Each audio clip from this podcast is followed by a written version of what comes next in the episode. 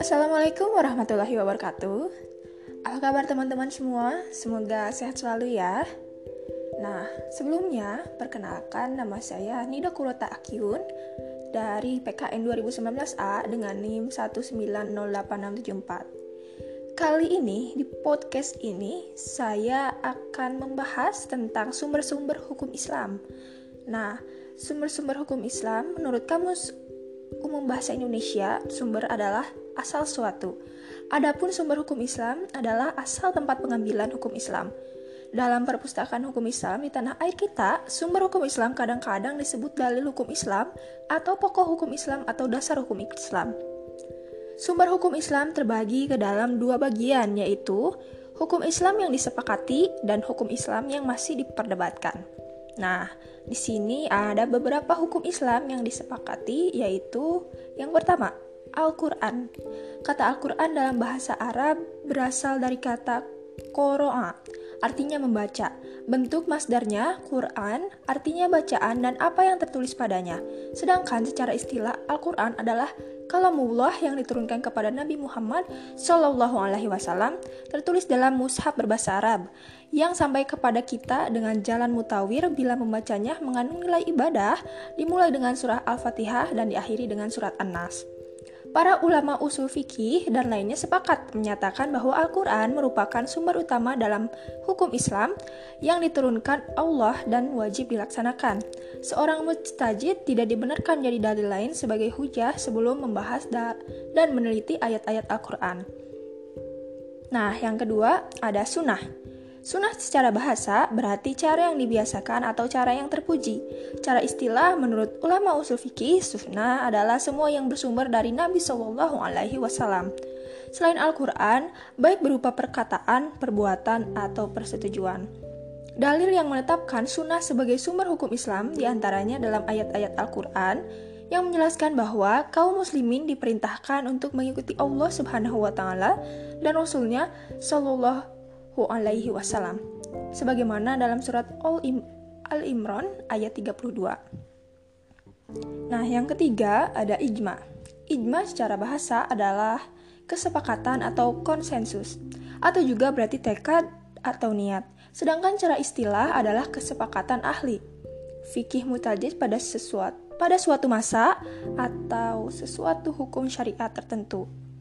Jumhur ulama mengatakan bahwa ijma itu mungkin terjadi menurut adat kebiasaan. Mereka mengatakan bahwa yang meningkari kemungkinan ijma adalah mengingkari hal yang nyata terjadi. Jumhur mengemukakan sejumlah contoh hak waris bagi nenek, 1 per 6 dari harta. Yang keempat ada kias. Kata kias berasal dari kata kosa, ia telah mengukur, yakisu, ia sedang mengukur, kias ukuran. Jadi kata kias itu artinya ukuran, sukutan, dan timbangan. Secara istilah para ahli usul fikih mendefinisikan kias bermacam-macam antara lain. Mengembalikan yang cabang kepada yang asal karena adanya ilat yang bergabung di antara keduanya. Yang kedua, menyatukan sesuatu yang tidak disebutkan hukumnya dalam nas dengan sesuatu yang disebutkan hukumnya oleh nas dikarenakan kesamaan ilat hukum antara keduanya. Nah, yang ketiga, ada sumber hukum Islam yang masih diperdebatkan. Yang pertama, ada istihab. Kata istihab berasal dari kata subah yang artinya menemani atau menyertai atau al-musabah menemani juga istimar al-subah terus menemani.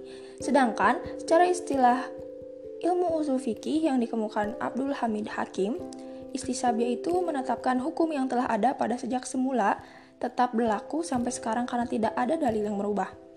Selanjutnya ada istis istisan. Dilihat dari asal bahasa istisan berasal dari kata istisana yata shinu istisan, artinya mencari kebaikan.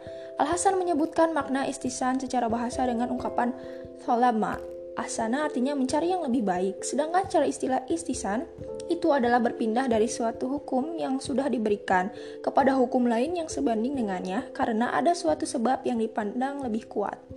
Selanjutnya ada maslahah al-mursalah. Maslahah al-mursalah berarti prinsip kemaslahatan.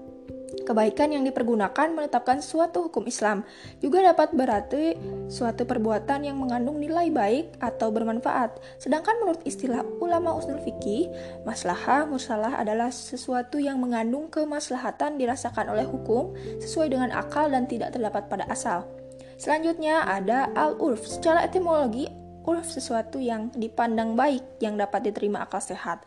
Menurut kebanyakan ulama, urf dinamakan juga dan sebab perkara yang telah dikenal itu berulang kali dilakukan manusia. Sedangkan secara istilah adalah sesuatu yang telah menjadi kebiasaan.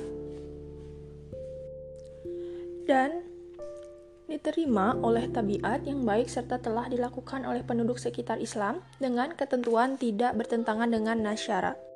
Selanjutnya ada Mashab Sahabibi. Mashab Sahabibi adalah pendapat-pendapat sahabat dalam masalah ijtihad dengan kata lain, Mashab Sahabibi adalah pendapat para sahabat tentang sesuatu kasus yang dinukil para ulama, baik berupa fatwa maupun ketetapan hukum yang tidak dijelaskan dalam ayat atau hadis. Selanjutnya ada syar'u man qoblana, syariat orang sebelum kita. Syar'u man qoblana adalah segala sesuatu yang dinukilkan kepada kita dari hukum-hukum syara yang telah disyariatkan Allah Subhanahu wa taala bagi umat-umat dahulu melalui nabi-nabinya yang diutus kepada umat itu seperti Nabi Ibrahim, Nabi Musa dan Nabi Isa. Selanjutnya ada Sadu Zorai. Sadu Zorai adalah media yang zahirnya mubah, mendorong kepada perbuatan yang terlarang.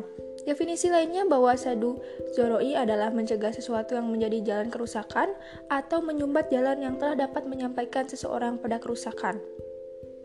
Yang terakhir adalah dalalatul iktiron. Dalalatul iktiron secara bahasa berarti dalil yang bersama-sama atau berbarengan. Secara istilah adalah dalil yang menunjukkan bahwa sesuatu itu sama hukumnya dengan sesuatu yang disebut bersama-sama.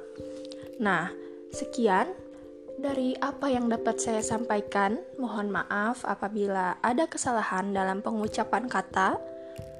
Uh, terima kasih telah mendengarkan podcast saya.